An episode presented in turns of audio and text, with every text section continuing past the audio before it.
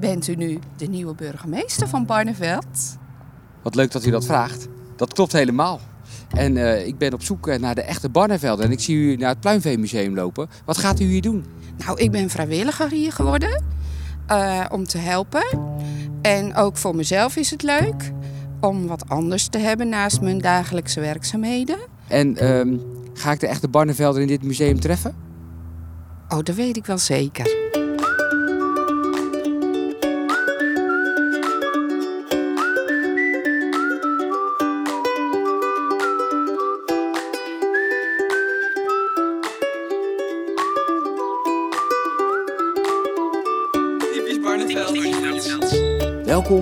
Bij de eerste aflevering van Typisch Barnevelds.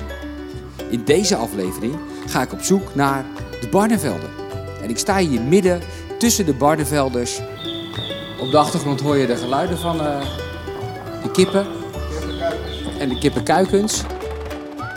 Ik ben Jacco van der Tak en sinds 9 februari 2023 de nieuwe burgemeester van de gemeente Barneveld. Ik ga op zoek naar inspirerende, boeiende, leuke verhalen van inwoners, ondernemers en maatschappelijke organisaties uit onze gemeente. Want wat is typisch Barneveld? En bestaat er zoiets als de echte Barnevelden? Voor mijn zoektocht start ik dus bij het Nederlands Pluimveemuseum. In het museum tref ik allereerst Kees Voorrijp, de voorzitter. Klopt, ja. Kees, ik ben op zoek naar de echte Barnevelden. En die kun je natuurlijk hier, hier ook vinden. Want wat is de echte Barnevelden hier in het Pluimveemuseum? Ja, dat is eh, natuurlijk eigenlijk eh, voor de geschiedenis een beetje de kip, hè?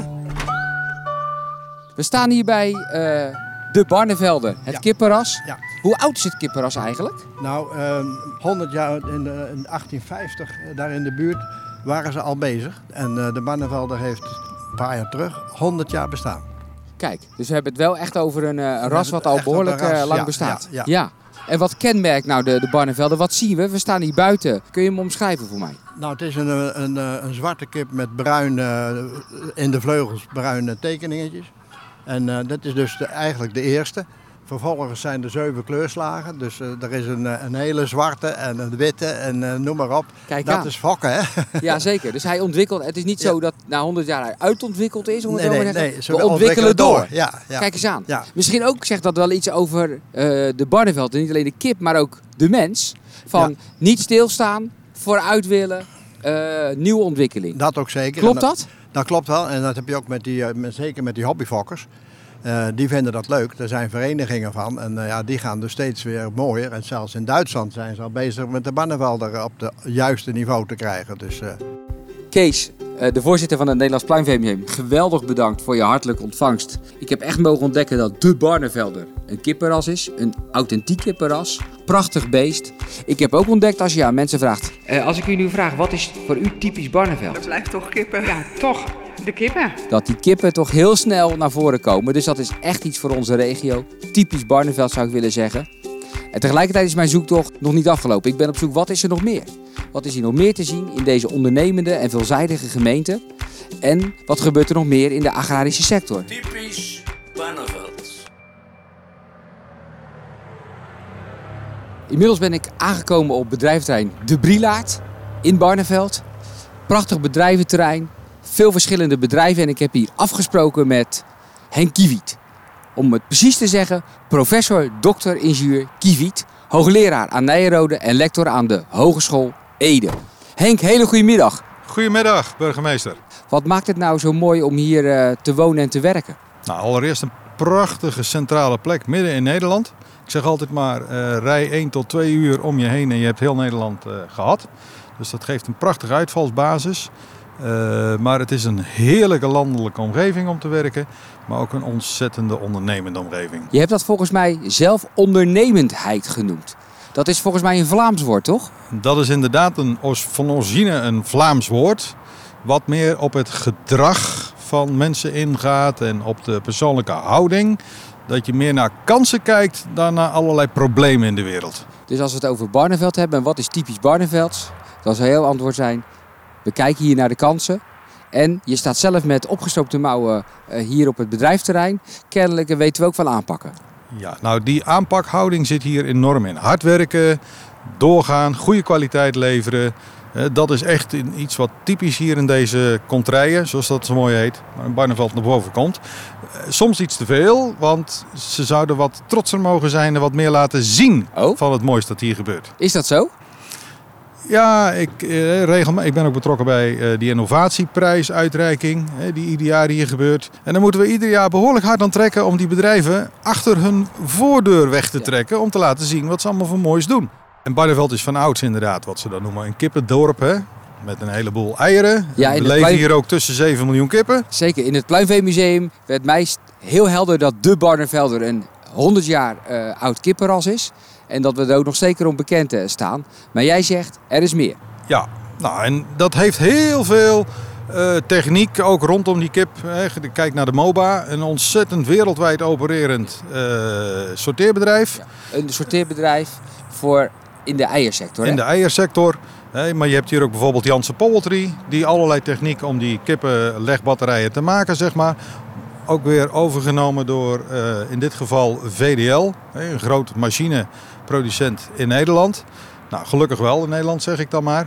Maar ik zou nog veel liever hebben gezien dat ook het eigendom en de eigenaarschap alles hier in de buurt komt. Want kan, Barneveld wordt ook gekenmerkt door een enorme familiebedrijvencultuur. En Oké. Familiebedrijven geeft gewoon veel meer continuïteit op de lange termijn. Eh, betekent het ook iets voor hoe we met elkaar omgaan dat we zoveel familiebedrijven hebben? Eh, meer dan 60% trouwens van de werkgelegenheid in Nederland zijn familiebedrijven. Dus iedereen kijkt altijd naar die hele grote bedrijven die beursgenoteerd zijn. Maar die zijn eigenlijk allemaal afhankelijk van nou, al die bed- familiebedrijven en het MKB dat eronder zit. Ja, Deze regio wordt enorm gestimuleerd door die familiebedrijven en het MKB, grotere MKB wat Ja. hier zit. Zeker.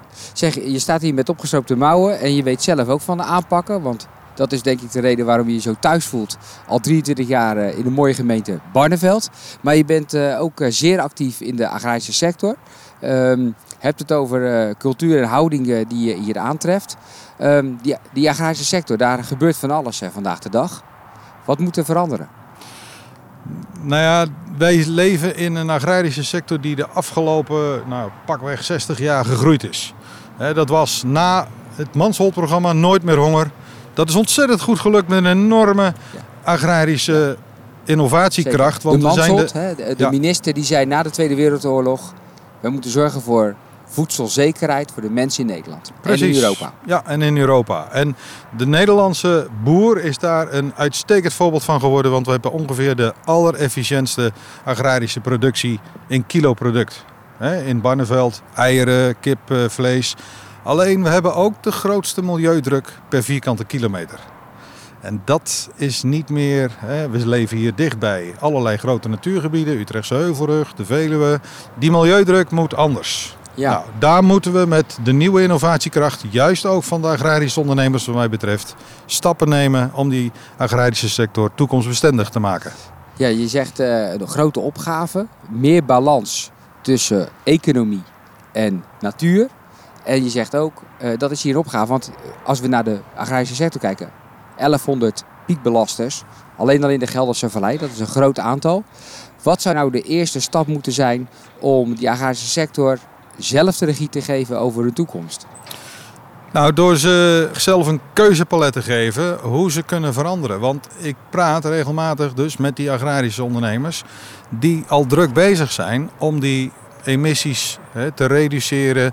Eh, maar daarvoor hebben we anders voeren nodig. Daarvoor hebben we weer anders omgaan met eh, nou, hoe stoten we al die stikstof uit. Eh, en en, en kun je werken met zowel technische innovaties als luchtwassers tot aan nou, hoe ga ik in dierenwelzijn om en in voerbeleid en in fokbeleid en dat soort zaken.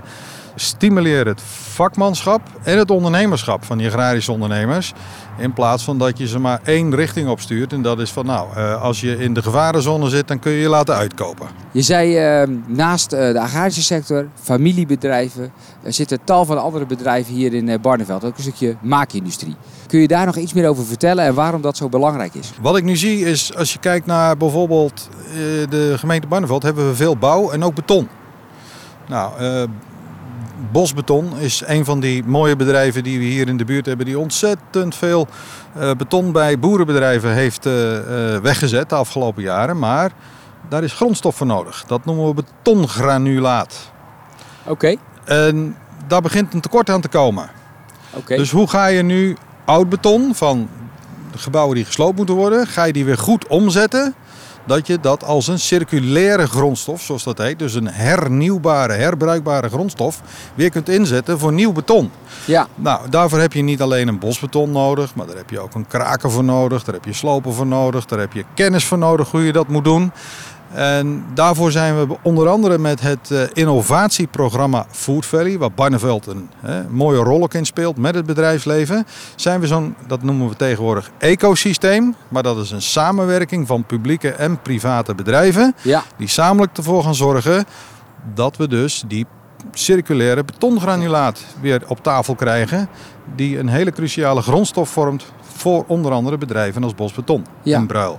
En waarom is het nou zo logisch dat dat soort eh, samenwerking tussen allerlei eh, partners, publiek en privaat zijn, waarom is het nou zo logisch dat dat hier in Barneveld plaatsvindt? Nou ja, logisch. Het is in ieder geval vindt een vruchtbare bodem omdat de mensen hiervan samenwerken houden en het gewoon samen doen. Eh, dat is, eh, ik zei straks van, nou ja, een heleboel van die ondernemers hier die doen van allerlei mooie dingen achter hun deur. Maar wat er ook daar gebeurt, is dat ze echt heel veel met elkaar samenwerken. In die bedrijvensverenigingen, maar ook in dit soort eh, constructies over nieuwe innovaties. Ja. Je doet het nooit alleen. Je bent ook actief in het zogenoemde landbouwwerk in de regio Food Valley. Vertel eens. Ja, ik mag voorzitter zijn van het landbouwnetwerk Food Valley. Dat is, hè, Food Valley is dat regioverband van die acht gemeentes, waar Barneveld eh, ook eh, onderdeel van is. Ja, in het hart van de Food Valley, In het hart van de. Food Valley, absoluut. Want eh, het Food Valley loopt van Nijkerk tot Wageningen. Dus Barneveld ligt weer precies mooi in het midden. Net als in Nederland, wat ik straks zei. Eh, waarin alle pu- publieke private partijen die rondom de landbouw doen, hun werk om die landbouw weer toekomstbestendig eh, verder door te eh, bouwen. En die innovatiekracht die er is, zeg ik altijd maar, eh, weer op nieuwe manieren naar boven te halen. Nou, er zijn verschillende sectoren natuurlijk. We hebben hier echt eh, melkvee, varkens, we hebben eh kalveren sector die groot is en eh, innoverend is. Maar we hebben zeker ook de pluimveesector, want daardoor bestaat Barneveld. Nou, die pluimveehouders, zoals ik al zei, we hebben hier zo ongeveer 7 miljoen kippen om ons, eh, eh, burgemeester. Dus eh, ja, er is een hoop is- gekakel om ons heen. Dat is niet misselijk. Nou ja, die moeten allemaal goed verzorgd worden. Dat gebeurt ook, want die boeren zijn echt allemaal bezig op hun eigen bedrijf met die grote ja, pluimveeaantallen. En een van de problemen die we dus ook samen met hen oplossing voor moeten vinden, is onderhand natuurlijk wel de vogelgriep. Zeker. Maar de andere kant van de zaak is dat we hier eh, al elke dag een grote hoeveelheid hoogwaardige eierproductie eh, verzorgen. Juist. Samenwerken, familiebedrijven in de agrarische sector en breder in die keten. En ook nieuwe sectoren in die maakindustrie. Die hoop ik nog te ontdekken in deze podcast. Nog een mooie reis daarin. Goed zo. Tot ziens. Tot ziens. Hi.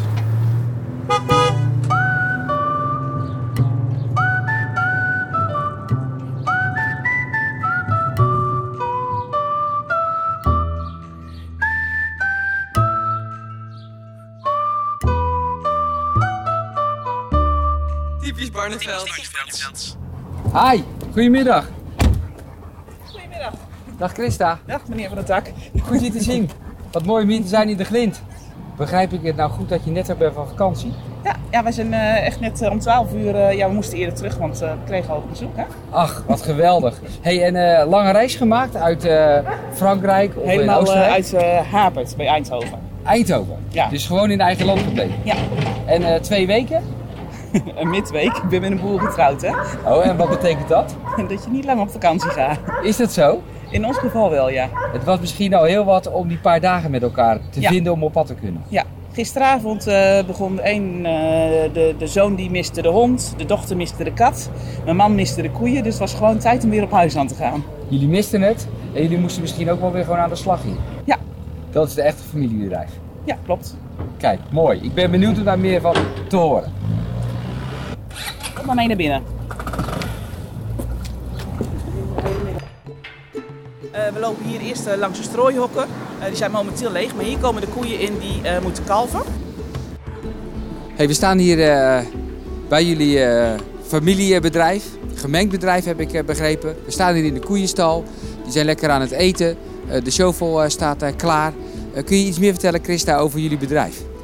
Eh, ja, wij wonen hier sinds eh, 2005 en ehm, eh, we hebben hier eh, ongeveer 100 koeien, 22.000 eh, legkippen en 15.000 vleeskuikens.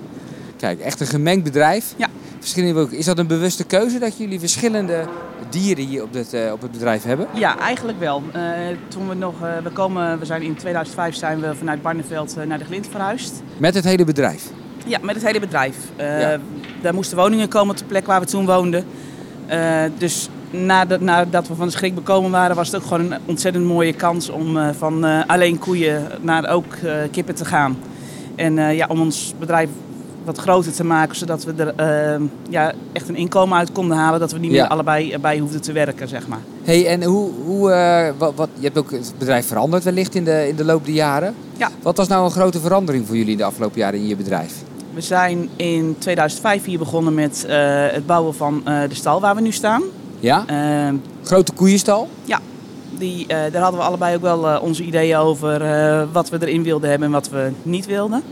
Ehm, in 2007, 2008 kreeg Arie de last van zijn rug en dat ging hem niet beter. Of tenminste, dat, nou ja, dat, hij had toch best last van, dusdanig Ja. last van zijn rug. Het beperkte hem in het werk wat hij moest doen.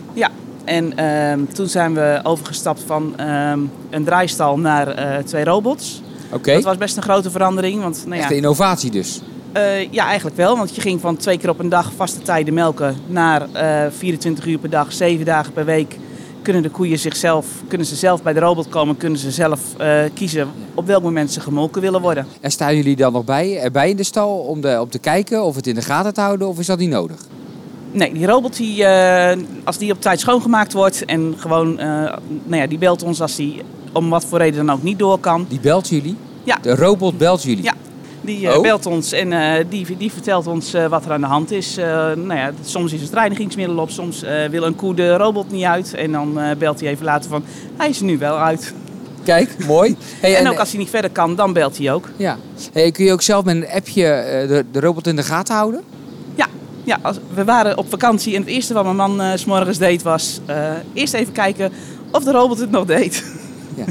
en eh, nou ja, eh, of, of de productie eh, goed is. En, of alles doorliep in, ja, in hij meldt als een, als een eh, koe tochtig is. hebben we een, een, dat is ook echt een innovatie op onze melkrobot. ja, Een soort zwangerschapstest doen de koeien elke dag eigenlijk vanuit de Ja. melk. oké. En die vertelt je dan of een koe tochtig is, dus of die geïnsemineerd kan worden, of die drachtig is.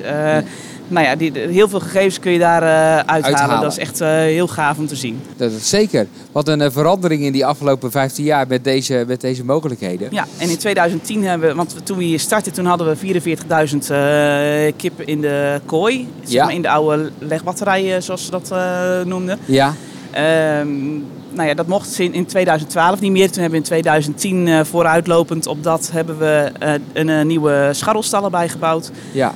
Zodat de kippen dan, dan bleven ze wel binnen, maar hadden ze in principe de hele stal tot hun beschikking waar ze konden lopen. ja. Veel veranderingen in die afgelopen 15 jaar. Kansen benut, bedreigingen omgezet in kansen. Op dit moment is het stikstofvraagstuk in Nederland heel actueel. Ik denk dat het door de meeste boeren als bedreiging wordt gezien. Hoe kijk jij daarnaar? Eh, dat vind ik best eh, lastig. Ehm, ten eerste omdat ik vind dat het met twee maten gemeten eh, wordt. Want ehm, ik heb nu de indruk eh, dat vooral de boeren alles op hun bordje krijgen. Terwijl ehm, vanaf een bepaalde hoogte wordt er in de luchtvaart niks meer gemeten. Dat voelt onrechtvaardig. Nou ja, ehm, waar wij mee bezig zijn is het produceren van gez- gezond voedsel. Ja. Eh, en heel veilig voedsel. En wat we toch echt in Nederland moeten zien te houden. En als jij nou naar dat stikstofvraagstuk kijkt, eh, wat zou er dan eh, eigenlijk moeten gebeuren als het aan jou zou liggen? Eerst eens bij nul beginnen. Ga eerst eens kijken, wat doet nou de luchtvaart en het verkeer echt? Ja. Ehm, en, Dus ehm, meten vind jij belangrijk. Ja, ja ga, ga- ga eens baseren op feiten en ga eens gewoon terug bij nul beginnen. Ja, En ehm, ga eens bij mensen in de praktijk vragen. Want iemand die heel veel geleerd heeft, is niet bepaald slimmer als de rest. Kom eens gewoon in de koeienstal kijken. Ja, Eh, Bij jou zijn ze denk ik eh, zonder meer welkom als ik eh, absoluut. je zo beluistert. Hey, en ehm, ik ben in deze podcastserie op zoek naar wat nou typisch Barnevelds is. Als nieuwe burgemeester probeer ik te ontdekken hoe zit onze gemeente in elkaar. Wat zou jouw antwoord zijn op de vraag wat is typisch Barneveld? Over het algemeen wel vrij nuchter, denk ik. Nuchter. Ja. Beide benen op de grond. Ja. Ja. En vooral niet te moeilijk doen. Doe het er maar gewoon eens mee heen. ja. Hey, en, en die nuchterheid, die kan ook wel dingen dat je gewoon aan het werk bent, aan de slag bent. Ja. Eh, zorg voor je bedrijf, voor je koeien, voor je, voor je leghennen. Eh, laten we voldoende zien eh, wat we aan allerlei innovaties en ondernemerschap hier hebben in de gemeente. Nou, ik denk dat boeren wel eens, met name boeren, nog wel eens hun PR vergeten. Als je ziet dat sommige bedrijven echt heel veel geld uitgeven aan marketing en wel- welke reclames je allemaal op de socials tegenkomt. En, en dat ik denk van, ach jongens toch, wa- waarom... Nou ja, zelf zit ik bij de Maggie's. Dat zijn oh. een stel hele enthousiaste pluimveehoudsters eh uit heel Nederland. Dames in de pluimveehouderij. Allemaal dames. Oké, en, en wat doen jullie? Eh, wij promoten het Nederlandse ei op eh, beurzen. We de- delen eieren uit bij de Nijmeegse Vierdaagse. Oké. Wereld Eidag eh, is in oktober weer eh, in Barneveld. Daar zijn we het Nederlandse ei Ja. aan promoten. Samen met Blij met een ei. Die is uiteindelijk de grote sponsor erachter. Mooi. Maar ja, het is zo leuk om met die dames dan echt ehm, je, je product te promoten. Ja. En Want dat doen jullie zien- samen. Ja. Dus En die ook samenwerking is ook En het- belangrijk voor jou. Ja, en het mooiste van de Maggie's vind ik nog, het maakt niet uit of je, eh, er zijn er nog die hebben de kippen in een koloniehuisvesting zitten. Dus dat zijn kooien waar 70, 80 kippen bij elkaar eh, Ja. zitten. Dat mag nog eh, voorlopig in Nederland. En er zijn eh, biologische eh, eh, legpluimveehoudsters. Ja. En het maakt niet uit welk ei je produceert, maar je ei komt uit Nederland. En dat is gewoon echt het meest gezonde, fantastische, veilige voedsel wat je kunt krijgen. Je hoop voor de toekomst. En voor je kinderen. Als ik dat onderwerp opbreng, wat zeg je dan? Ehm, nou, wij hebben drie kinderen. Eentje van 17, eentje van 15 en eentje van eh 12. Onze Ja. zoon van 17 die wil heel graag eh, dierenarts worden voor de landbouwhuisdieren. Ja. Ehm, onze dochter eh, heeft een paard en die is daar echt eh, helemaal heel druk mee. En die vindt dat echt Dol fantastisch. Ja. Ehm, en onze zoon van 12 is echt in hart en nieren boer. Ja. Die, die, die vanaf dat hij kan lopen wil hij niks liever als bij papa zijn, bij opa zijn. En meedraaien in het bedrijf. Hij, hij kwam net al langs keuren op de show vol. Eh, hij heeft Ja. afgelopen jaar voor het eerst echt zelf gras gemaaid eh, met de grote trekker. Mooi. En dat is gewoon fantastisch om te zien. Ik hoop toch echt dat hij nog boer kan worden, dat hij die kans krijgt. Geweldig. En ik denk dat als we, ehm, als we in Nederland gaan bedenken dat eh, we het beste ons eigen voedsel kunnen produceren en niet afhankelijk moeten worden van het buitenland, Ja. Ehm, dan, dan heeft hij echt kansen. En dat is waar we zelf hier in het bedrijf ook gewoon echt mee bezig zijn. We, onze kippen die eh, hebben beter leven keurmerk, de, de, de vleeskuikers, de legkippen die gaan Ja. eh, naar de Albert Heijn toe eh, de aankomende Zeg, ronde. jullie hebben ook een soort keurmerk, hè? Vallei boert bewust, als ik het goed heb begrepen. Ja, ja, dat is ook eh, net als de Maggie's eigenlijk ook gewoon een samenwerking om de boeren te promoten. Ja. Maar- En in dat geval maakt het niet uit of je varkens, kippen, koeien, geiten, nou ja, Allerlei welke- pluimage. Ja, of je een akkerbouwer bent, maar laat zien wat je doet en waarom je het doet Ja. en waarom je keuzes maakt. En ehm, je, je mag ook pas meedoen. Ik bedoel, je, je, je erf moet netjes zijn. Je moet aan alle voorwaarden voldoen om, om mee te kunnen doen, zeg maar. Dus, dus kwaliteit, eh, En- de zaak op orde zelf hebben. eh, ervoor zorgen dat het ook bekend is eh, bij anderen, dat mooie Nederlandse product. Dan is de toekomst voor de nieuwe generaties en hopelijk ook voor jou zo.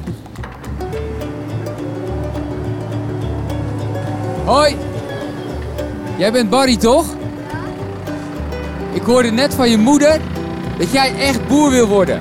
Ja, Wat is er zo mooi om aan boer zijn? gewoon trekkerijen en het werk. Ja? En de dieren Ja, hier in de buitenlucht, dat spreek je wel aan. ja, Hoe oud ben je? 12. Dus je weet al heel jong wat je wilt. Ja, Mooi. Hey, wens ik je heel veel succes mee. Ja. Succes met eh, het werk vandaag. Hoi, dag.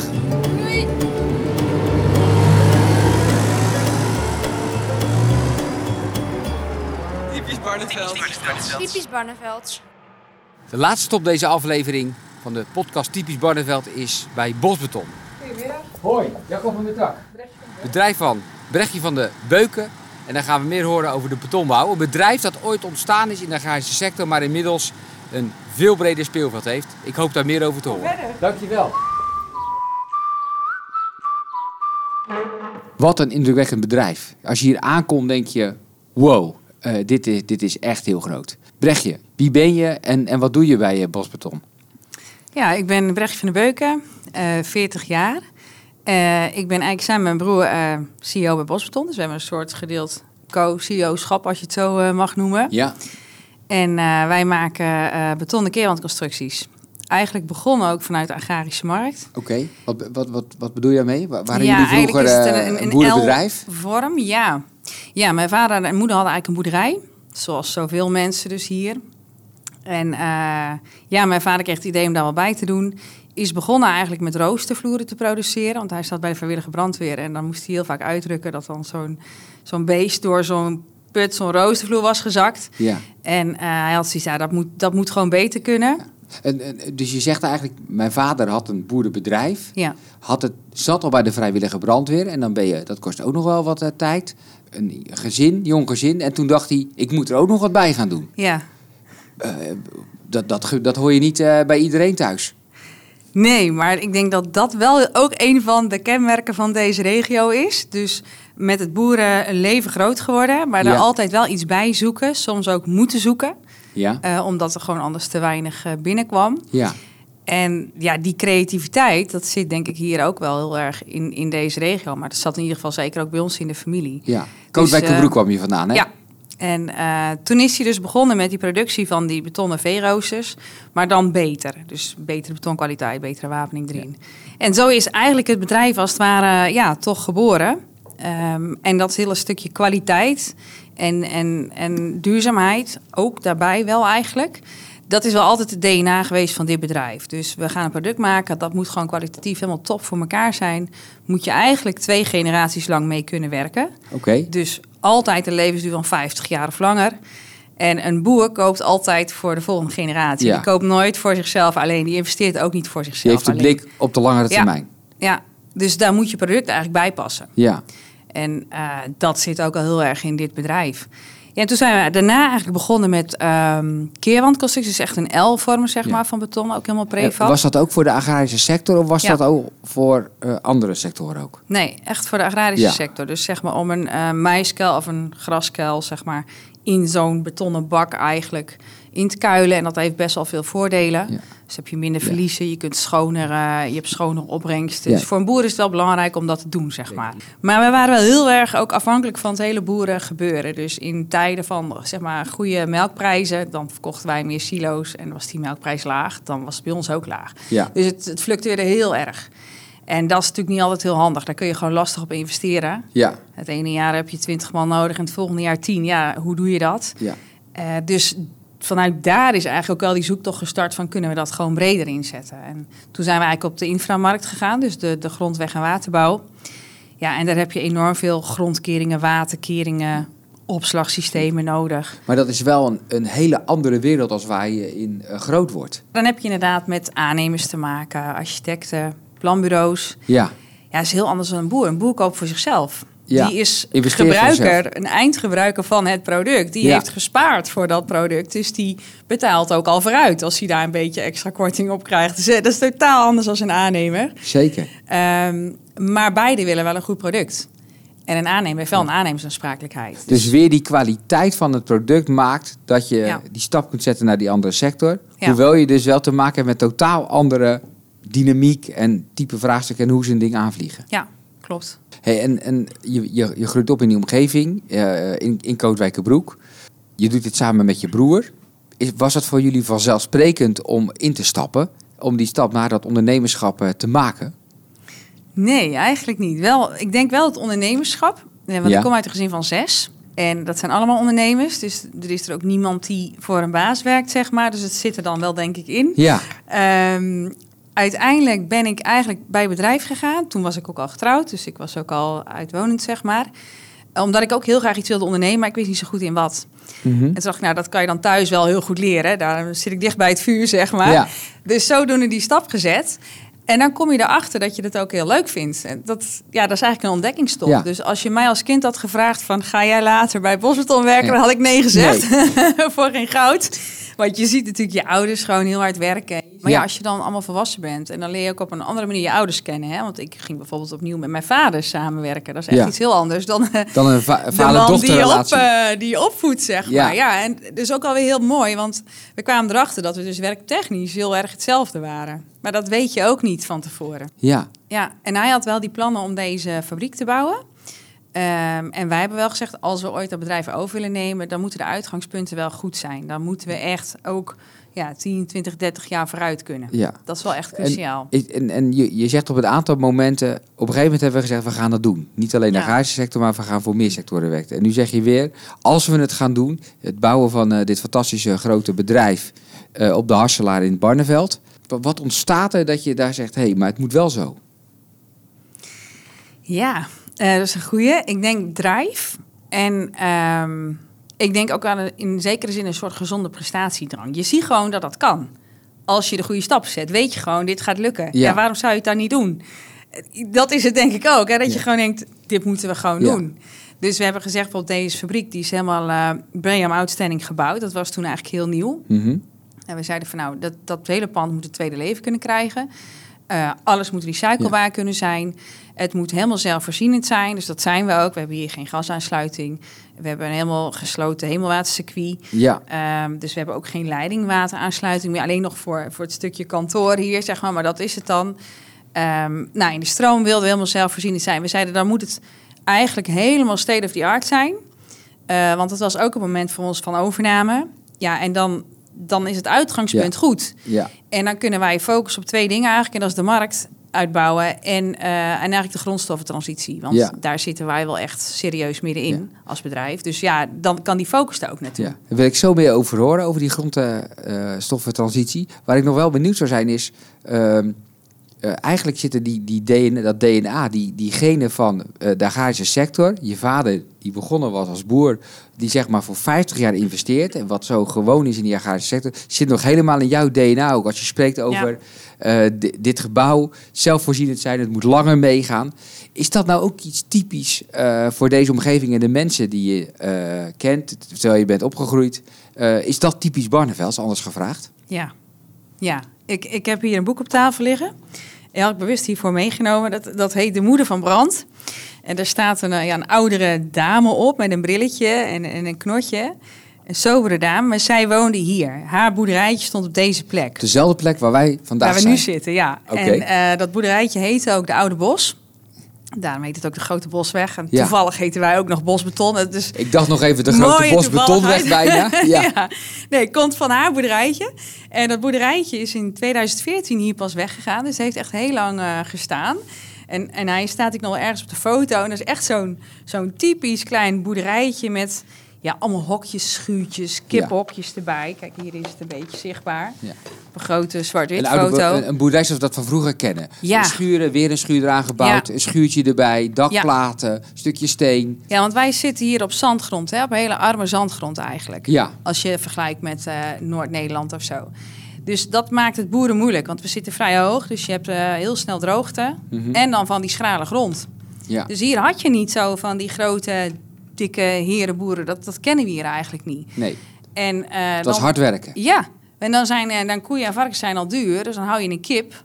Want die kip die eet gewoon van tafel mee. En de Ja. rest, dat scharrelt hij letterlijk wel bij elkaar. Ja, Ja, dus, en dan als je er ook nog een ei legt elke dag, is hij heel efficiënt. Dus dat is ook echt een typisch boerderijdier voor een arme boer, zeg Ja. maar. Dus ja, dat zit zeker in deze regio. En dan, dan ging je natuurlijk, dan had je dat boerderijtje. En er is van, van deze boekjes nog zo'n serie. En eentje die heet geloof ik, eh, Guus komt huis, want de koeien staan op springen. ja. Want dan moest men dus ook nog uitwerken om het dan maar allemaal gedraaid te krijgen. Dus eh, ik altijd denk... meer doen Ja. dan het, eh, om, om rond te komen Ja. om een boterham op de plank te hebben. Ja, want dat, alleen dat boeren, dat was gewoon te weinig. Dus je bent eigenlijk gedwongen om inventief te zijn, creatief te zijn, er wat naast te zoeken. Eh, om dat inkomen dan te garanderen. En dan ook nog in combi natuurlijk met die Calvinistische soberheid. Hè, want dat zit er Zeker. natuurlijk ook in. Ja. Dat, eh, tegen ons werd Ja. ook gezegd van eh, hè, wie zuinig is met vlijt bouwt huizen als kastelen. Dat werd er gewoon zo. Dat werd, werd duidelijk meegegeven. Dat werd erin geramd, ja. Hey, en en ehm, innoveren is nodig. Duurzaamheid is belangrijk, hoorde ik al terug in Ja. je verhaal. Als je naar de toekomst van, van Bosbeton kijkt. Wat, wat, wat, wat zou je hoop zijn? Wat zou je droom zijn met het oog op zeg maar, weer eh, nieuwe generaties die komen? Onze wens is eigenlijk, en dat, dat dragen we ook heel bewust uit, eh, dat we onderweg zijn naar een cementvrije generatie. Een cementvrije generatie. Ja, dus dat je wel beton maakt, maar niet meer met cement. Oké, Ehm, dus dat is ons doel. En Ja. we zijn halverwege ongeveer. oké. Dus dat moet wel deze generatie gebeuren. Dat Je, hebben we je ons hebt wel, ongeveer eh, nog 30 jaar eh, om Ja, dat te wel realiseren. sneller, eh, ja, nog sneller? Ja, Mooi. En hoe doen jullie dat? Want als je elke dag hard aan het werken bent en gefocust bent op vandaag de dag, gewoon ook weer zorgen dat vandaag de zaak. eh, hoe heb je ruimte eh, in, in gewoonweg de tijd of in je hoofd om over dit soort nieuwe concepten na te denken? Ja, je kunt in je bedrijf werken of aan je bedrijf. Hè? En daar moet je denk ik gewoon keuze in maken als je, als je een eigenaar bent. Eh, dus ik wil aan het bedrijf werken. En ik ontkom er niet aan dat ik soms in dat bedrijf moet werken. Ja, Eh, maar we zijn inmiddels hier met ruim 100 mensen. En ik heb gelukkig genoeg mensen die in dat bedrijf werken. Ja. en de dingen doen die ik vroeger deed.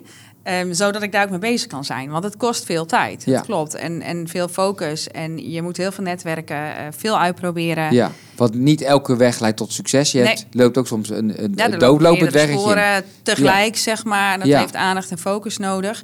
Maar dan ben je wel helemaal aan die voorkant bezig. En dan ben je wel aan dat bedrijf aan het werken. En dat moet gewoon. In deze tijd moet dat. Ik, ik denk als je alleen maar in dat bedrijf zit, kun je ook niet groeien. Nee.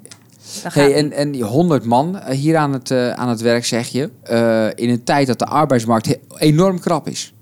Ehm, hebben jullie daar problemen mee? Ja, ik denk dat iedereen daar wel last van heeft. Ik moet wel zeggen dat we er wel heel bewust ehm, eh, mee aan de slag zijn. Wij hebben hier bijvoorbeeld in de fabriek alleen lokale mensen, dus uit deze regio. Oké. Is En dat is een bewuste keus? Ja, kijk, vroeger was het zo, hè, dan, dan pas je je lifestyle aan op het werk. Maar dat wil men niet meer. Het werk moet gewoon passen bij die lifestyle. Ja. En dat is gewoon hoe jongere mensen er ook naar kijken. En er komt natuurlijk gewoon een totaal andere generatie aan. Ook in Barneveld zie je die ontwikkeling. Ja, Ja. Ja, 100 punten. Ja. Dus mensen willen meer flexibiliteit, ehm, willen groeiperspectief hebben, maar willen ook gewoon gelijkwaardigheid. We hebben allemaal verschillende taken, verschillende verantwoordelijkheden, maar we zijn wel Belangrijke gelijkwaardig. waarde voor jullie. Ja, echt totaal. Dus wij eten hier samen, ons productiepersoneel eet gewoon samen met ons kantoorpersoneel in één kantine. Ja. We gaan dat niet uit elkaar trekken. Nee. Als zij in de, in de fabrieken te druk hebben, we gaan het kantoor helpen. Ook de dames. Ja. Dan gaan we dus in die fabriek.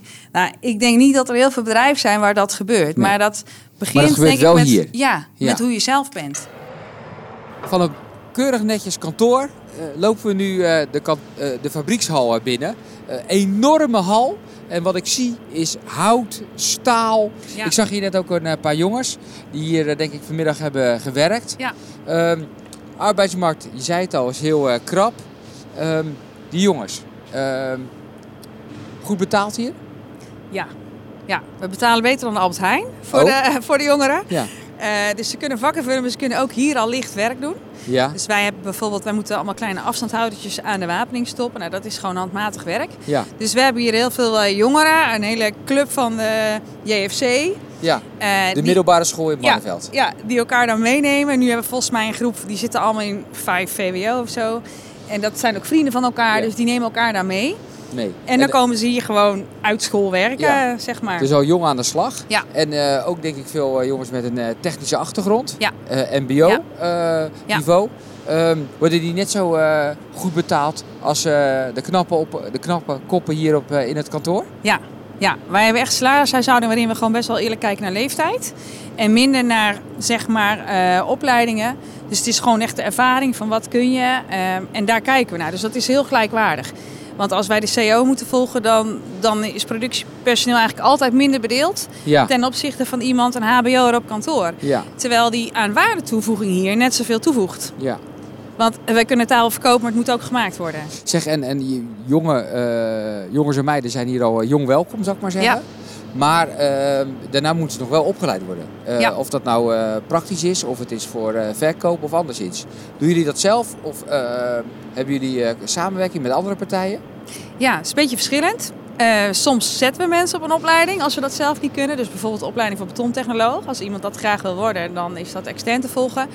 En we hebben nu dan sinds kort ook de Barnevelds betonopleiding. Dus eigenlijk een mbo-opleiding. dus waar men kan werken leren. Ja. En nou wij zijn ook een van de initiatiefnemers daarvan. En dat is vooral voor, voor de mensen die graag met hun handen werken. We hebben natuurlijk ook best wel jongens die niet zo Ja. erg van leren houden. Ja, Maar wel graag vakman willen worden. ja. En dat is gewoon perfect. Dan heb je die, eh, dat ja, wordt hier nog uitgeoefend. Ja. Mooi. ja, en daarin ook begeleiding krijgen van dus echt mensen in de praktijk. Dus het is gewoon een hele praktijkgerichte opleiding. eh. en daar zitten nu ook weer twee neefjes van mij op. Kijk, Eh, de ook volgende twee G van de generatie staat alweer Ja, klaar. ja, ja. Kijk, mooi. Dus eh, ja, de twee gaan nu eh, dat ook volgen. Ja. Jullie gaan hopelijk hier nog heel lang heel veel mooie dingen doen. ja, dat hoop ik. Ontzettend bedankt om hier te mogen zijn. Deze geweldige hal te zien. En ook je verhaal te horen. Hard werken, creativiteit, iets voor de ander willen betekenen. Dank voor je verhaal en het gaat je goed met je bedrijf. Ja, dankjewel. Typisch Barneveld. Poeh, wat een gesprekken heb ik mogen hebben op verschillende plekken in de gemeente vandaag. Hele verschillende mensen mogen ontmoeten. eh, hele verschillende achtergronden. Maar toch zaten er een paar dingen waarvan we denken, nou, ehm, dat zou wel eens typisch Barneveld kunnen zijn. Creativiteit kom ik tegen. Soms omdat het moet, omdat er geld verdiend moet worden. De arme zandgronden hier. Je moet creatief zijn om een boterham op de plank te krijgen. Soms omdat ze naar de langere termijn willen kijken. En daar hun creativiteit voor nodig hebben. Ze, ze werken ook samen hier. Dat is ook wel iets. Dat heb ik in elk gesprek gehoord. Op de boerderij, met Henk de hoogleraar, bij Bosbeton, met, met Brechtje. Samenwerken. Je kunt het niet alleen. Samen kom je tot een beter product. Samen heb je er bovendien ook nog meer lol in. En dat lol hebben, ja, dat, dat is denk ik ook wel nodig. Want jongen, jongen, jongen.